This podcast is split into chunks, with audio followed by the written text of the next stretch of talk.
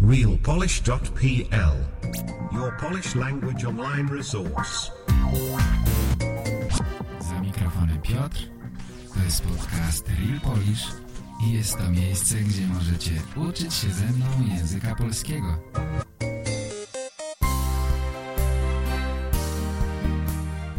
Witam. Słuchacie podcastu realpolish.pl Cześć, witam wszystkich bardzo serdecznie i zapraszam na dobrą zabawę z językiem polskim. Mam na imię Piotr, prowadzę dla Was ten podcast już od 10 lat i od początku moim zamiarem jest pomagać Wam w nauce języka polskiego i przy okazji dobrze się bawić. To dla mnie duża przyjemność, gdy przygotowuję się do podcastu, gdy szukam materiałów, też uczę się wielu rzeczy. Dowiaduję się o różnych rzeczach, ale lubię też tę stronę techniczną. Lubię nagrywać, lubię pracować przy komputerze. Staram się, żeby jakość podcastu była jak najlepsza. To sprawia mi dużo przyjemności. Mam nadzieję, że Wam również spodoba się moja praca i z przyjemnością posłuchacie dzisiejszej audycji. Chcę Wam powiedzieć, że jedną z najprzyjemniejszych rzeczy, jakie związane są z podcastem, są wiadomości od Was, a szczególnie lubię wiadomości głosowe, czyli po prostu nagrania od Was. Przysyłajcie nagrania, czekam na nagrania od Was. Sprawiacie mi dużą przyjemność, gdy wysyłacie je do mnie. Chciałbym, żebyśmy posłuchali teraz nagrania od Aleksandry. Zapraszam bardzo serdecznie. Cześć Piotrze, mam na imię Aleksandra i jestem Twoją słuchaczką. Dzisiaj jest bardzo ważny dzień dla mnie, bo jest moja pierwsza rocznica pobytu w Polsce. To znaczy rocznica naszego z mężem przyjazdu. E, dlatego robię dla Ciebie to nagranie, bo postanowiłam zrobić nagranie jeszcze wcześniej, ale bałam się zawsze, że coś powiem nie tak, bo brakuje mi słownictwo i końcówki, akcent, że możesz czegoś tam nie zrozumieć. Chciałam zrobić to dobrze. No, dzisiaj postanowiłam nagrać dla Ciebie nagranie i trochę powiedzieć o siebie, podziękować Ciebie. No i znaczne z mojej historii, że przyjechaliśmy do Polski 30 stycznia 2022 roku i zaczęłam uczyć się polskiego klasycznym sposobem z książek, gramatyki, ale w marcu moja przyjaciółka Luba e, przysłała mi link do Twojego filmiku na YouTubie, jak słuchać, żeby więcej zrozumieć. Wtedy zaczęłam słuchać wszystkie Twoje podcasty, które tylko mogłam znaleźć. Spacerowałam kilka godzin dziennie, słuchałam i na głos powtarzałam każde Twoje słowo. Na początku rozumiałam tylko 60%. W domu nie mogłam tego robić, bo mąż pracował w, w domu, w mieszkaniu. Wynajmowaliśmy bardzo małe mieszkanie w Poznaniu i to by mu przeszkadzało, a ja spacerowałam, słuchałam i powtarzałam. A w jednym Twoim filmiku powiedziałeś, że uczył się rosyjskiego, niemieckiego, angielskiego, a mając, nie jestem pewna, 40 lat, postanowiłeś, że języki to nie twoje.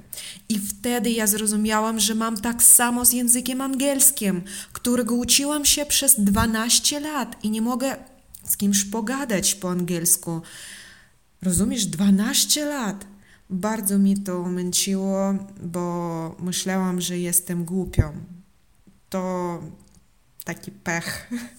A teraz mówię po polsku.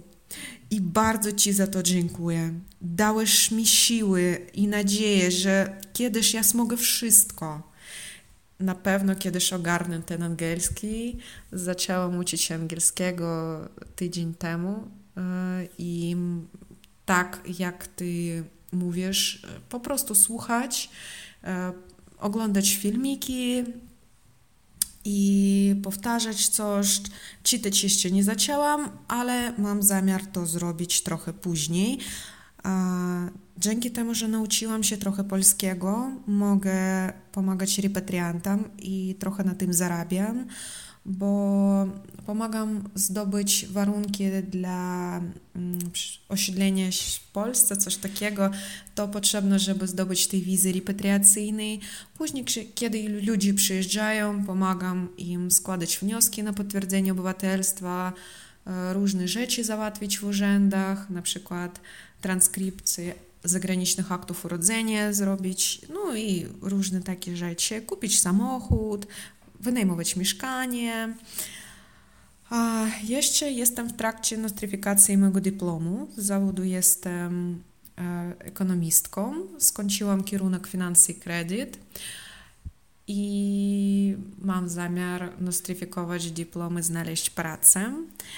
Ja polecam Twój podcast klientom, bo jest bardzo skuteczny i mam nadzieję, że będziesz to robił nadal, bo nie wyobrażam siebie po prostu życie bez Twojego podcastu. Bardzo Ci dziękuję i bardzo proszę, rób to po prostu jak najczęściej, jak tylko możesz.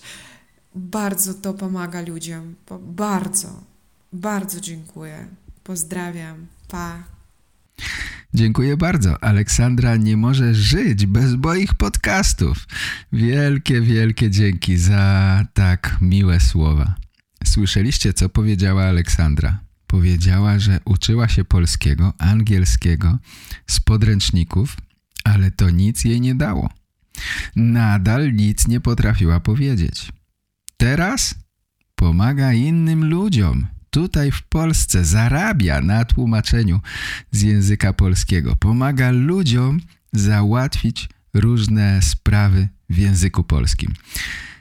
Czy to nie jest fantastyczna zmiana?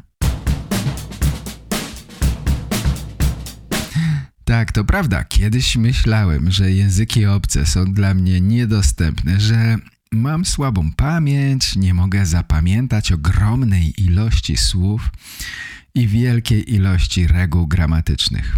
A co dopiero zastosować te wszystkie reguły? Aleksandra myślała dokładnie tak samo. Pewnie wielu z was też tak myśli.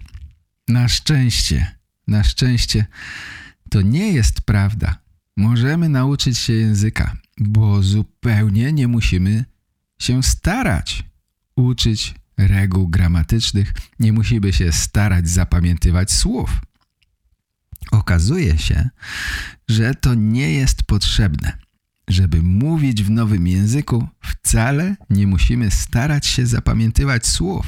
Wcale nie musimy uczyć się reguł gramatycznych. Żeby mówić w nowym języku, trzeba najpierw dużo, dużo słuchać i czytać rzeczy, które rozumiemy. Ja oczywiście nie wpadłem na to, nie wymyśliłem tego lingwistą, który w swoich pracach mówił o tak zwanym comprehensible input jest Stephen Krashen. Comprehensible znaczy po polsku zrozumiały. To, co możemy zrozumieć. Trochę trudno jest przetłumaczyć słowo input na język polski. Nie mamy jednego słowa, który, które znaczy dokładnie to samo. Input znaczy coś, co wkładamy do środka. Input. W tym przypadku do naszej głowy. To jest po prostu słuchanie lub czytanie. Stymulacja naszego mózgu przez wkładanie do niego nowych, ale zrozumiałych treści. Stephen Krashen stworzył hipotezę, która mówi, że jeśli będziemy wkładali do naszej głowy treści w nowym języku, treści, które rozumiemy, to powoli, powoli nauczymy się tego języka. Najpierw biernie, czyli najpierw będziemy rozumieli, a potem czynnie. Potem będziemy mogli mówić w tym języku. Najciekawsze jest to, że wcale nie musimy uczyć się języka, wystarczy, że go zaabsorbujemy. Wlewamy zrozumiałe treści do naszego mózgu, dostarczamy comprehensible input i czekamy, co się stanie.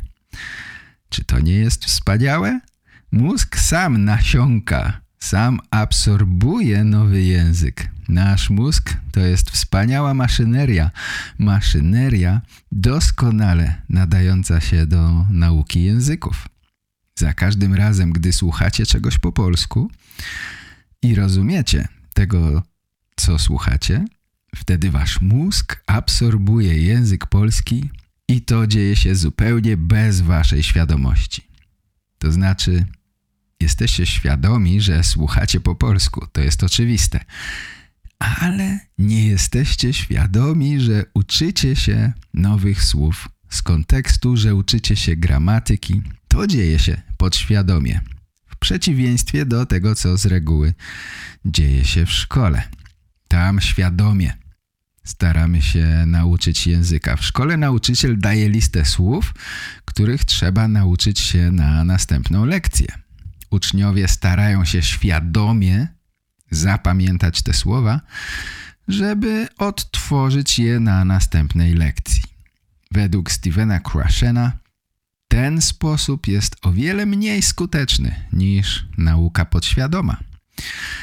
Właśnie taką metodę nauki proponuję Wam w moim podcaście. Naukę podświadomą. Ważne jest, żeby dużo rozumieć. Pamiętacie, input musi być zrozumiały. Inaczej słuchanie nie ma wielkiego sensu. Jeśli słuchacie i wszystko wydaje wam się tylko zbiorem dźwięków, nic nie rozumiecie, to znaczy, że ten materiał jest dla was zbyt trudny.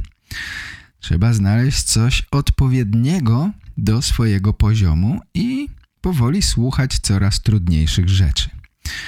To muszą być takie rzeczy, których mm, jeśli nie rozumiecie od razu, to możecie się domyśleć. Możecie się domyśleć ich znaczenia z kontekstu. Taka nauka jest bardzo, bardzo skuteczna. Wielkie dzięki dla Aleksandry za świetne nagranie. Oczywiście czekam na więcej nagrań od Was. Po prostu wysyłajcie nagrania przez e-mail. Nie wiecie jaki jest e-mail do mnie? Zapiszcie się na newsletter na stronie realpolish.pl, wtedy dostaniecie e-mail ode mnie i po prostu odpowiecie na niego. A przy okazji dostaniecie kilka materiałów, kilka wskazówek, jak można korzystać z mojej strony internetowej, jak można się uczyć z niej języka polskiego. Doskonale, zatem czas zaczynać opowiadanie. Mam nadzieję, że to będzie interesujący temat dla wielu osób, bo najważniejsze jest to, żeby słuchać o sprawach nas interesujących. Inaczej szybko się nudzimy, a gdy się nudzimy, to szybko tracimy motywację. A gdy tracimy motywację, to po prostu nie chce nam się słuchać, czytać i przestajemy się uczyć. Tak to wygląda. Zatem zaczynamy naszą opowieść. Dziś będę opowiadał o rzeczach związanych z Włochami. Włosi dali całemu światu pizzę, dali tiramisu, dali wspaniałych artystów, naukowców, odkrywców, wspaniałe zabytki, mnóstwo, mnóstwo wspaniałych rzeczy. Jest jednak jedna rzecz, z której prawdopodobnie nie są bardzo dumni. Myślę tu o mafii. Właśnie o mafii chcę dziś opowiedzieć. Ostatnio trochę włoskich rzeczy w naszym podcaście. Niedawno był Pinokio, a dzisiaj mafia. Co to jest mafia i skąd się wzięła?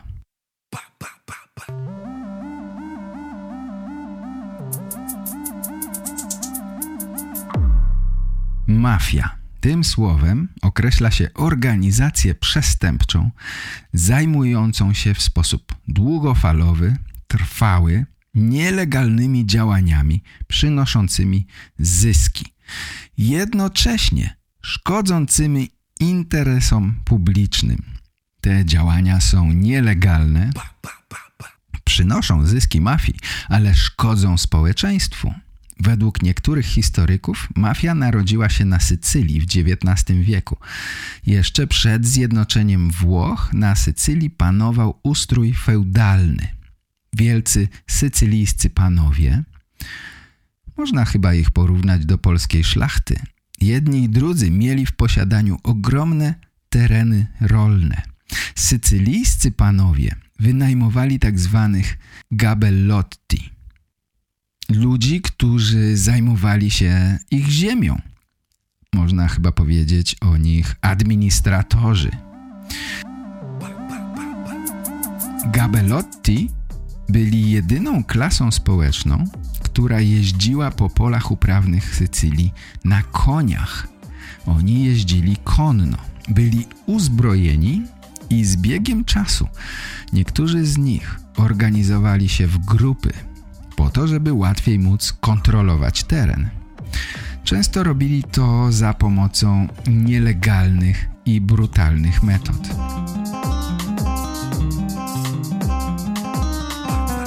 Po zjednoczeniu Włoch na Sycylii praktycznie niewiele się zmieniło. Sycylia była zbyt daleko od władzy centralnej. Wielkie laty fundia feudalne działały w identyczny sposób jak wcześniej. W 1876 roku termin mafia pojawił się podczas obrad parlamentu włoskiego. Zostały wtedy opisane brutalne metody kontrolowania wyspy. Metody, które były niezgodne z prawem włoskim. Sporządzono raporty, w których pokazano, pokazano jak działają rodzinne grupy, pokazano relacje takich grup z arystokracją. Mafia za zgodą arystokracji wykorzystywała chłopów, czyli robotników ziemskich, ludzi pracujących dla arystokracji, ograniczając ich żądania finansowe i socjalne. Mafia po prostu brutalnie szantażowała chłopów. Chłopi pracowali za bardzo niskie stawki, za bardzo małe pieniądze, co było na rękę arystokracji. Na rękę to znaczy, że było dla nich wygodne. Oczywiście arystokracja miało, miała dużo pieniędzy, ale ci, którzy mają dużo pieniędzy, nie, często nie chcą się dzielić tymi pieniędzmi. I tak było i w tamtym przypadku. Ludzie należący do organizacji zaczęli nazywać ją Koza Nostra, czyli po polsku nasza sprawa. Sytuacja chłopów na Sycylii była bardzo trudna. Pod koniec XIX wieku wielu chłopów z Sycylii wyemigrowało do Stanów Zjednoczonych. Ale do Stanów wyjechali nie tylko chłopi, wyjechali tam również mafiozi, którzy zaczęli budować organizację mafijną w Stanach Zjednoczonych. Dziś nie będziemy mówić o tamtych sprawach, Dlatego szybko wracamy z Ameryki do Włoch. Na początku XX wieku zjawisko wyzysku chłopów przez mafię było znane włoskiemu rządowi, ale państwo nie dawało sobie z tym rady. Dopiero po dojściu do władzy Mussoliniego sytuacja zaczęła się trochę zmieniać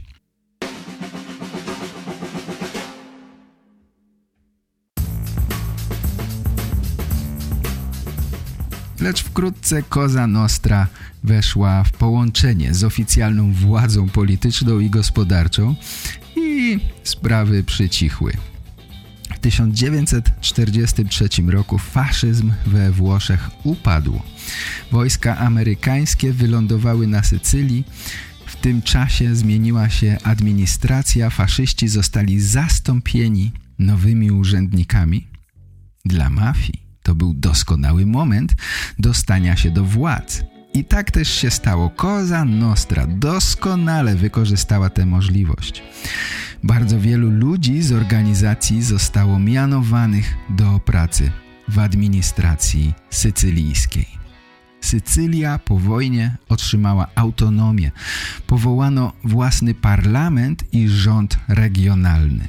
Sytuacja chłopów wciąż była niezwykle trudna. Powstawały silne napięcia społeczne, które Koza Nostra rozwiązywała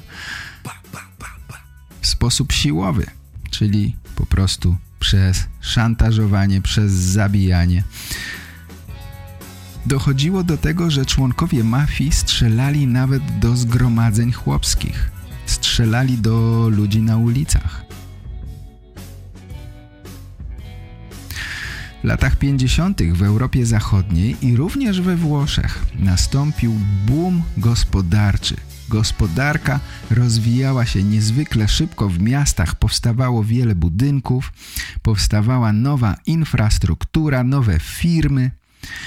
I to był moment, w którym Koza Nostra przeniosła się ze wsi do miasta. W miastach Mafia miała teraz nowe możliwości. Mafia nawiązywała nowe relacje z politykami, nowe relacje z administracją i w ten sposób zmieniał się obszar działania mafii.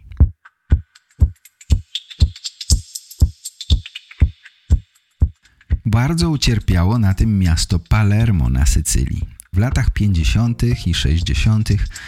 wyburzono tam wiele historycznych dzielnic, ponieważ mafia zarabiała tam ogromne fortuny, budując nowe obiekty. W tym czasie Koza Nostra stała się na tyle potężna, że jej wpływy zaczęły wykraczać poza Sycylię.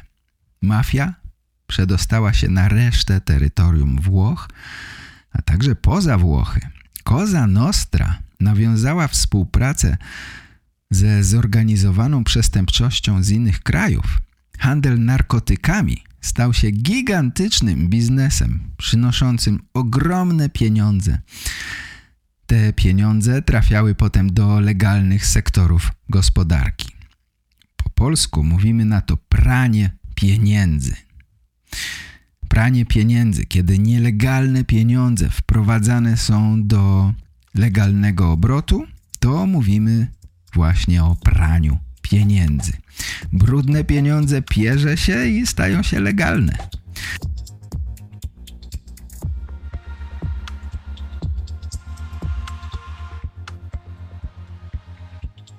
W latach 70. i 80. handel narkotykami stanie się głównym źródłem dochodów mafii sycylijskiej. Nadal metody działania mafii nie zmieniają się. Koza Nostra stosuje brutalne metody w stosunku do wrogów zewnętrznych, jak i wewnętrznych. Jeszcze w latach 60. dochodzi do rywalizacji między różnymi klanami mafii. Można powiedzieć, że to była pierwsza wojna mafijna na terenie Sycylii. Różne rodziny, klany mafijne walczą ze sobą, walczą ze sobą o wpływy. Do tej pory nic podobnego jeszcze nie miało miejsca. Dlatego opinia publiczna była zaskoczona ogromną ilością ofiar i brutalnością walk mafijnych. W latach 60. włoski parlament powołał specjalną komisję do walki z mafią.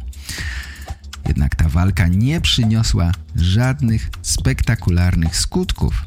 Odbyło się kilka procesów przywódców Koza Nostry, ale wyroki były bardzo niskie lub sprawy kończyły się uniewinnieniem.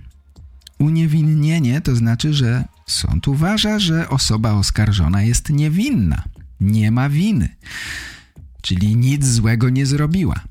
Sąd uznaje czy ktoś jest winny, czy niewinny. Wielu, wielu przywódców mafijnych było uniewinnionych. Ale my jesteśmy teraz w latach 80., prawda? Mm, nasza historia jest w latach 80. Mafia jest już prawdziwą, wielką, można powiedzieć światową organizacją przestępczą. Napięcia wewnętrzne są tak duże, że znowu dochodzi do walki o władzę. Znowu dochodzi do walk wewnątrz mafii. Rozpoczyna się tak zwana druga wojna mafijna, wielka wojna klanów. Wojna bardzo krwawa, której zwycięzcą został klan dei Corleonesi. Strategia planu polegała na fizycznej eliminacji przeciwników. Wojna klanów pochłonęła około tysiąca ofiar. Opinia publiczna była zszokowana. Parlament wprowadził prawo, które pozwalało na konfiskatę majątków mafijnych. Sędziowie w Palermo rozpoczęli szerszą, aktywną współpracę, której celem było zlikwidowanie organizacji mafijnej. Zobaczcie, to już któryś raz, kiedy rząd chce zlikwidować mafię. W tym czasie aresztowano wielu mafijnych bossów, wielu mafiozów z pokonanych przez Corleonezi klanów. I oni zdecydowali się na współpracę z prokuraturą jako świadkowie koronni. Świadek koronny to jest człowiek podejrzany o przestępstwo, który zgadza się na współpracę z prokuraturą w zamian za to, że jego wyrok będzie o wiele łagodniejszy. Ci mafiozi składali zeznania obciążające mafiozów z klanu Corleonezich. Podawali wiele faktów, które pomogły policji w śledztwie przeciwko mafii. Dzięki tym świadkom koronnym zostały zdobyte informacje na temat działania mafii, jej struktury, odkryto połączenia mafii ze światem polityki i gospodarki. Zidentyfikowano wielu sprawców morderstw. I doszło do wielkiego procesu. W 1986 roku w Palermo oskarżono o liczne przestępstwa 470 członków Cosa Nostry. Proces trwał kilka lat. Udało się skazać na kary dożywocia 19 przywódców mafijnych. Wielu niższych rangą przedstawicieli mafii również otrzymało dosyć surowe wyroki, ale nadal połączenia mafii i polityki nie zostały do końca odkryte. Ta sfera działań mafijnych nie została dokładnie rozpoznana. Wciąż nieznane były dokładne połączenia między mafią i wielką polityką. Po tym ogromnym procesie Koza Nostra postanowiła wziąć odwet. Postanowiła się zemścić. Na początku lat 90. nastąpiła La Vendetta, czyli zemsta. Dwóch głównych sędziów zostało zabitych w zamachu bombowym. Następnie przez kilka miesięcy opinia publiczna obserwowała kolejne zamachy i morderstwa. Mafia próbowała zastraszyć całe społeczeństwo i polityków. Celem ataków byli sędziowie, prokuratorzy, policjanci, politycy. Prawda jest jednak taka, że mafii nie zależy na walce z państwem. Mafii zależy na zarabianiu pieniędzy. Dlatego w końcu doszło do porozumień między szefami mafii a politykami. Do dziś są prowadzone śledztwa dotyczące tych tajnych porozumień między Koza Nostrą i politykami. Te porozumienia miały na celu zakończenie konfliktu. W 1993 roku aresztowano Toto Rine, ojca chrzestnego Koza Nostry. Rina miał już dwa wyroki dożywocia, ale wciąż mieszkał w Palermo, zupełnie się nie ukrywał. Jego dzieci chodziły do szkoły pod prawdziwymi nazwiskami. To pokazuje, jak silna była mafia w Palermo w tym czasie. Jednak rząd wprowadził wojsko na ulicę Palermo i udało się aresztować Toto Rine. Udowodniono mu później własnoręczne dokonanie 40 zabójstw i zlecenie setek innych. Od tej pory Rina przebywał w więzieniu, gdzie zmarł w 2017 roku. Aresztowano również prawą rękę Riny, Bernardo Provenzano. Schwytano go we wiosce Corleone, niedaleko Palermo. Właśnie w tej wiosce urodziła się fikcyjna postać ojca chrzestnego Vito Corleone. Vito Corleone nigdy nie istniał. To jest postać z powieści, którą napisał Mario Puzo. Powieść została sfilmowana przez Coppole, a rolę Vito Corleone zagrał Marlon Brando. Po aresztowaniu dwóch głównych bossów Cosa Nostra zmieniła trochę strategię. Teraz już nie obserwuje się tak wielu ataków bombowych, tak wielu morderstw. Jednak z pewnością mafia we Włoszech istnieje. Nadal istnieją powiązania między Cosa Nostrą a polityką.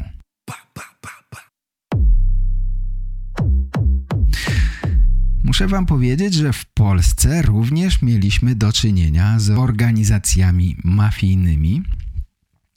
Pra prawdopodobnie one wciąż istnieją, ale największa ich działalność przypadała na lata 90., czyli wtedy, gdy skończył się w Polsce komunizm. W Polsce często na mafię mówi się gang lub oficjalnie zorganizowana grupa przestępcza. Dwa największe, najpotężniejsze gangi działały w latach 90. w okolicach Warszawy. Dziennikarze nazwali te gangi Pruszkowski i Wołomiński od nazw miast położonych po przeciwnych stronach Warszawy. W czasie komunizmu w Polsce działali na przykład cinkciarze. Jestem pewny, że nie wiecie kim jest cinkciarz. Cinkciarz to człowiek, który nielegalnie sprzedawał waluty w czasach PRL-u, w czasach komuny. I właśnie z cinkciarzy i zwykłych złodziei powstały coraz lepiej zorganizowane grupy przestępcze. Po zmianach ustrojowych, po upadku komunizmu, policja zupełnie nie dawała sobie rady z tymi gangsterami, którzy wtedy zajmowali się głównie przemytem spirytusu i papierosów. A potem doszły do tego wymuszenia haraczy, napady na ciężarówki i handel narkotykami. Gang pruszkowski i wołomiński toczyły ze sobą wojnę o wpływy. W 1990 roku padły pierwsze ofiary mafijnej wojny. Ta wojna mafijna trwała kilka lat. W drugiej połowie lat 90. zabójstwa stały się bardzo powszechne. Gangsterzy polowali na siebie na ulicach.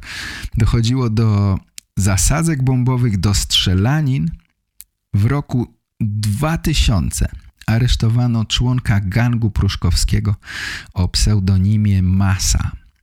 Został on pierwszym w Polsce świadkiem koronnym i dzięki jego informacjom policja zatrzymała większość bossów tej grupy przestępczej. Masa jest dziś, można chyba tak powiedzieć, gangsterem celebrytą. Nikt nie wie, gdzie go znaleźć, ale chętnie udziela wywiadów. Na podstawie tych rozmów powstała cała seria książek. Dosyć często występuje w telewizji. Oczywiście ma wtedy zakrytą twarz i zmieniony głos. Nie jestem pewny, czy mafia w Polsce ma powiązania z mafią włoską, z Cosa Nostrą. Nie mam pojęcia. Ostatnio we Włoszech policja osiągnęła wielki sukces. Na początku tego roku aresztowano Capo di tutti capi, przywódcę, który ukrywał się przez 30 lat. Matteo Denaro został aresztowany równo 30 lat po aresztowaniu Totoriny. Był najbardziej poszukiwanym przestępcą we Włoszech w ostatnich latach. Jego majątek szacuje się na co najmniej 4 miliardy euro. W wielu krajach na świecie istnieją zorganizowane grupy przestępcze.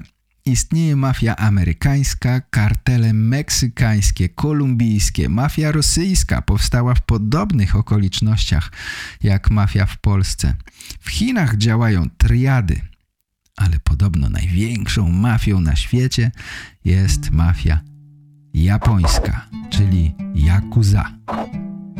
Yakuza. Yakuza ma już 300 lat.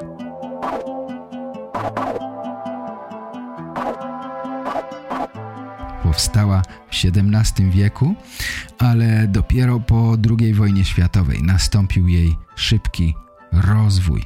Wtedy Yakuza zajmowała się zbieraniem haraczy oraz ochroną małych przedsiębiorstw.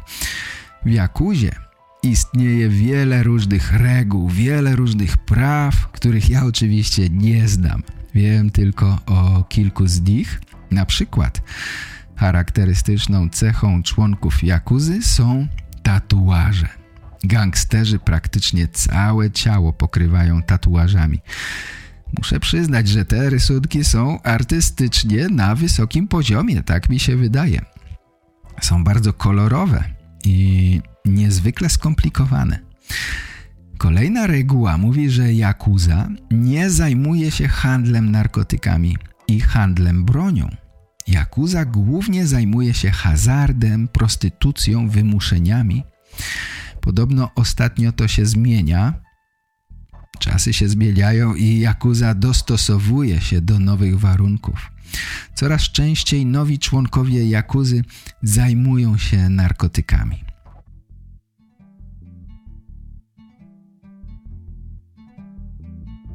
Kolejną regułą jest yubitsume. Na pewno widzieliście to na filmach, kiedy członek Jakuzy obcina sobie mały palec. Jeśli nie wykonasz rozkazu szefa, to żeby pokazać mu swoje oddanie i okazać skruchę, musisz obciąć sobie palec i podarować go szefowi.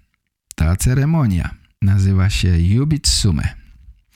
W Japonii przynależność do Yakuzy nie podlega karze. Gangi w Japonii są legalne, mają nawet swoje biura. Kiedy przystępujesz do Jakuzy, to dostaniesz od szefa certyfikat, potwierdzenie, że jesteś w organizacji. Od tej pory nie możesz opuścić grupy. Co najwyżej szef może wyrzucić cię z Jakuzy. Zatem po przystąpieniu do mafii pozostajesz w niej praktycznie do końca życia. Każdy człowiek Jakuzy musi zarabiać na siebie, ale również na organizację. Część interesów Jakuzy jest legalna. Wydaje mi się, że członkowie Jakuzy mają pewne problemy ze znalezieniem tak zwanej zwykłej pracy, na przykład pracy w korporacjach. Mają też problemy z założeniem kont bankowych.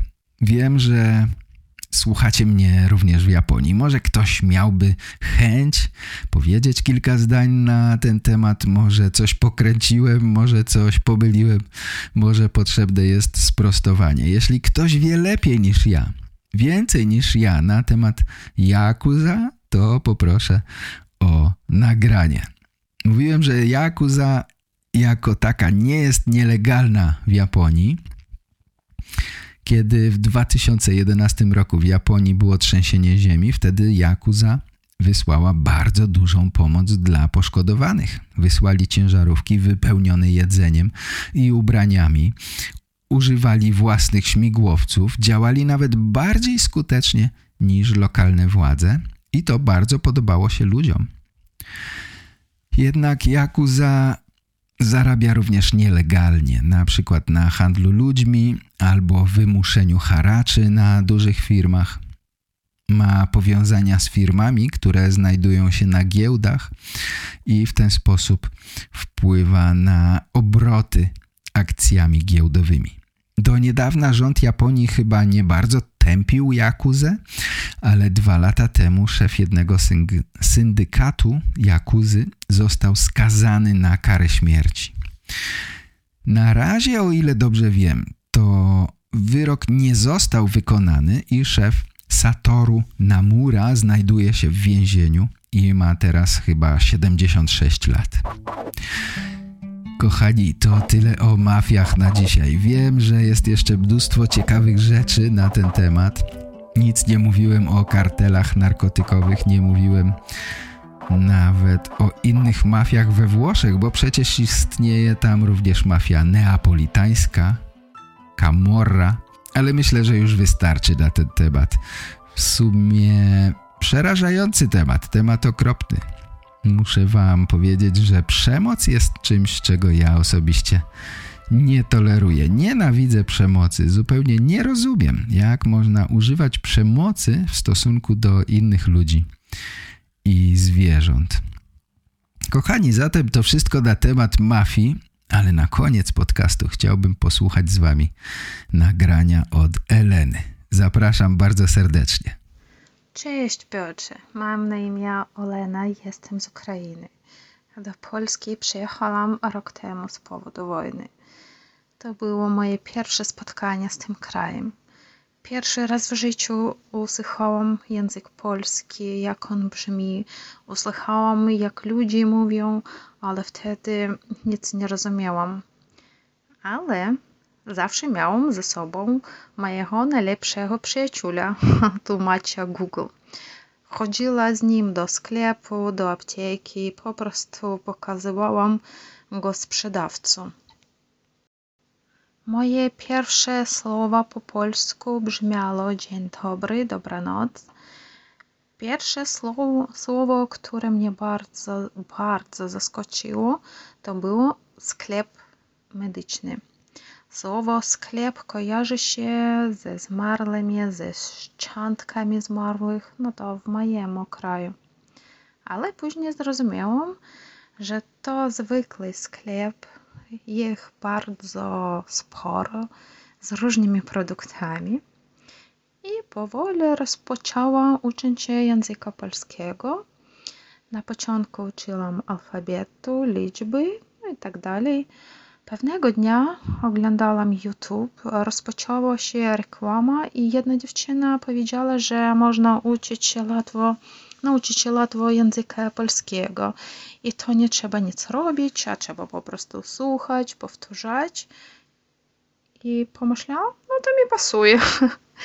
I tak trafiłam na Twoją stronę internetową realpolish.pl Poznałam Twoich podcastów, bardzo podoba się Twoje krótkie opowiadania o biedziaku i zupie, o drogim samochodzie i prędkości.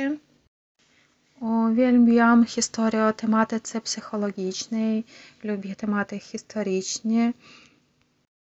Oni mają wiele interesujących faktów. Słuchałam innych podcastów. Ameryka i ja z Lidią Krawczuk też bardzo ciekawe tematy i dla tych osób, którzy chcą pojechać do Stanów Zjednoczonych.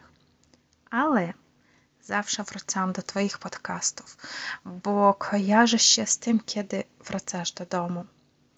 Piotrze, masz piękny głos, mówisz powoli, zawsze ja mogę za Tobą powtarzać. Bardzo podoba się mi dźwięki. Kiedy mówisz różnymi głosami, jak aktorz w teatrze, to bardzo, bardzo mi podoba się. Chciałam trochę dodać, co ja myślę na temat, na ostatni temat strachu. Mózg nie robi różnicy, stało się coś złego, czy to nasza fantazja. Mózg, mózg postrzega to jako zagrożenie i włącza, można powiedzieć, taką ochronę na przykład kolatanie serca, szybkie oddychanie, żeby człowiek zrozumiał, że ciało jest w stresie i to nie jest dobrze. W tym momencie nie uspokajamy się, ale się bardziej zastraszamy się różnymi myślami. Stoicy radzili walczyć ze strachem. Myślę, że to na tą samą sytuację można tę samą sytuację można potraktować inaczej. Głównie zaakceptować to, co jest, co masz i co możesz zrobić inaczej.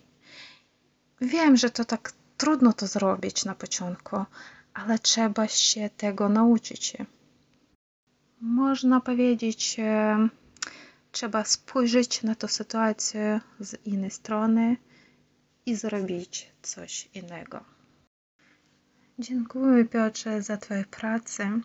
Ja chciała, chciałam trochę dodać, kiedy nie ma ochoty na nauki, nie martwić się, trzeba odpocząć, a przez czas przyjdzie ochota. To z własnego doświadczenia. Bardzo, bardzo dziękuję Ci za pomoc nauce języka polskiego. I to zawsze mnie w środku brzmi Twój głos. Uczyć się języka polskiego jako dziecko. Dziękuję bardzo. I chciałabym podziękować krajowi Polski, że w trudnych czasach dla naszego kraju otworzyła nam drzwi i bardzo, bardzo pomagasz. Wszystkiego dobrego, papa. Pa. Dziękuję bardzo, bardzo mi przyjemnie słyszeć takie miłe opinie na temat mojej pracy. Jest mi niezwykle przyjemnie. Sprawdziłem, co to znaczy sklep po ukraińsku. Sklep po ukraińsku to po polsku krypta, katakumby. I to jest dosyć ciekawe, bo po polsku wciąż jest takie słowo sklepienie, które oznacza zakończenie budowli od góry, półkoliste zakończenie. Kiedyś piwnice, krypty miały właśnie takie półkoliste sklepienie i taka piwnica, komora nazywała się właśnie sklep. Myślę, że w piwnicach trzymano różne produkty, bo tam było chłodno i jedzenie na przykład nie psuło się tam. W piwnicy było coś do jedzenia, coś do picia, na przykład piwo, więc po różne rzeczy ludzie chodzili do sklepu. I dlatego mówimy teraz sklep na miejsce, gdzie chodzi się po różne rzeczy. Elena wspomniała też o odcinku podcastu, w którym mówiłem o strachu. Jeśli nie słuchaliście jeszcze tego odcinka, to zapraszam Was. Zapraszam Was bardzo serdecznie. To był odcinek numer 400. Zachęcam Was do posłuchania tego odcinka podcastu, bo znajdziecie tam bardzo, bardzo ciekawe opowiadanie Antona Czechowa. Myślę, że warto posłuchać.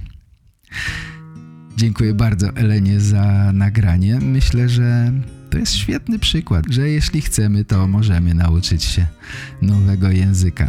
Elena jeszcze niedawno nic nie mówiła po polsku, nic nie rozumiała nawet, a teraz bardzo proszę, świetnie mówi po polsku.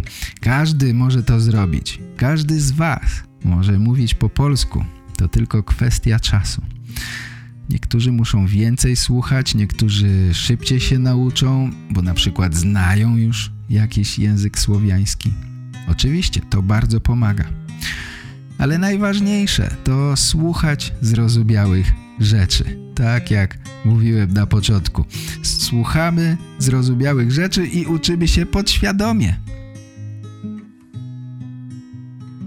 Moim zadaniem jest tworzenie dla Was tych zrozumiałych rzeczy i zarazem ciekawych rzeczy, a Waszym zadaniem jest ich słuchać.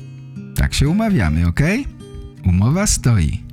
Zapraszam Was na moją stronę. Korzystajcie z kursów. Korzystajcie z klubu VIP. Jeśli rozumiecie ten podcast, rozumiecie co teraz mówię, to zachęcam Was, zachęcam Was do spróbowania klubu VIP.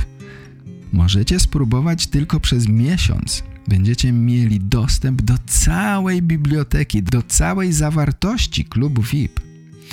Dlaczego daję Wam dostęp od razu do całej biblioteki? Bo biblioteka jest tak ogromna, że jestem pewny, że nie dacie rady wysłuchać wszystkiego. Nie starczy Wam czasu. Przygotowuję dla Was rzeczy do klubu VIP już od 8 lat. Co tydzień dodaję dwie albo trzy rzeczy, więc jestem pewny, że znajdziecie tam coś ciekawego dla siebie. Ostatnio czytaliśmy razem baśnie i oglądaliśmy stare filmy. Już przygotowuję dla Was nowy film. Wkrótce będziemy oglądać film pod tytułem Nosferatu. To jest stary niemiecki horror. Zatem myślę, że będzie naprawdę ciekawie. Zapraszam Was bardzo serdecznie do klubu VIP. Kochani, to tyle. To wszystko, co przygotowałem dla Was na dziś. Chcę jeszcze tylko powiedzieć, że będzie mała przerwa w podcaście. Za dwa tygodnie nie będzie nowego odcinka, bo wyjeżdżam z Anią i Jobi na krótkie wakacje. Jedziemy dokładnie w to samo miejsce, w którym byliśmy w zeszłym roku, czyli do miejscowości Stegna, niedaleko Gdańska. Dlatego będzie krótka przerwa, ale po powrocie znowu pojawią się nowe odcinki podcastu, na które już teraz Was zapraszam. Jeszcze raz dziękuję Anastazji i Elenie za nagrania. Czekam na więcej nagrań od Was.